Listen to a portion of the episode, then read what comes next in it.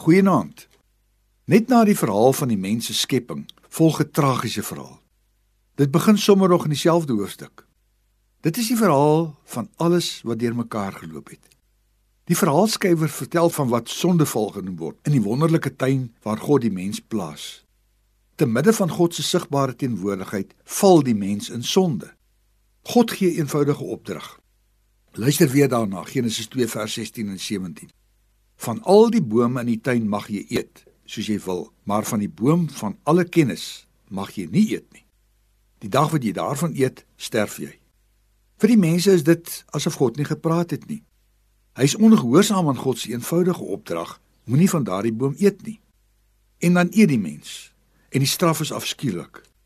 Hulle moet God se direkte teenwoordigheid in die tuin verlaat. Nou as die paradyshekke agter hulle toeklap, is hulle op hulle eie in 'n wêreld vol dorings en distels. Daar raak voortplanting en werk pynlik en moeilik. Lewe is beslis nie meer 'n paradys bestaan nie. God het gesê hulle gaan sekerlik sterwe.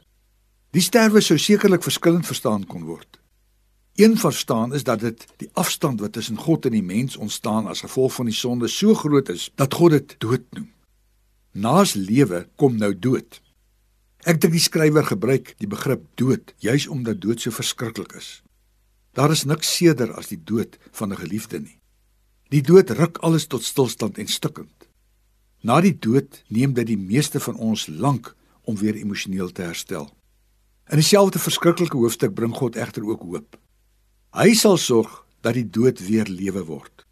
God sê hy sou iemand gee in die verre toekoms van daardie dag af wat die kop van die slang gaan vermorsel. Dood gaan weer lewe word. Hooploosheid gaan weer hoopvolheid word. Die dorings en distels en die pyn en die moeite sal nie verdwyn nie, maar selfs die lewe tussen die dorings en die distels en pyn gaan ware lewe word. Here, dankie dat U 'n plan gemaak het met ons sondes. Baie dankie dat ons as U kinders mag lewe. Amen.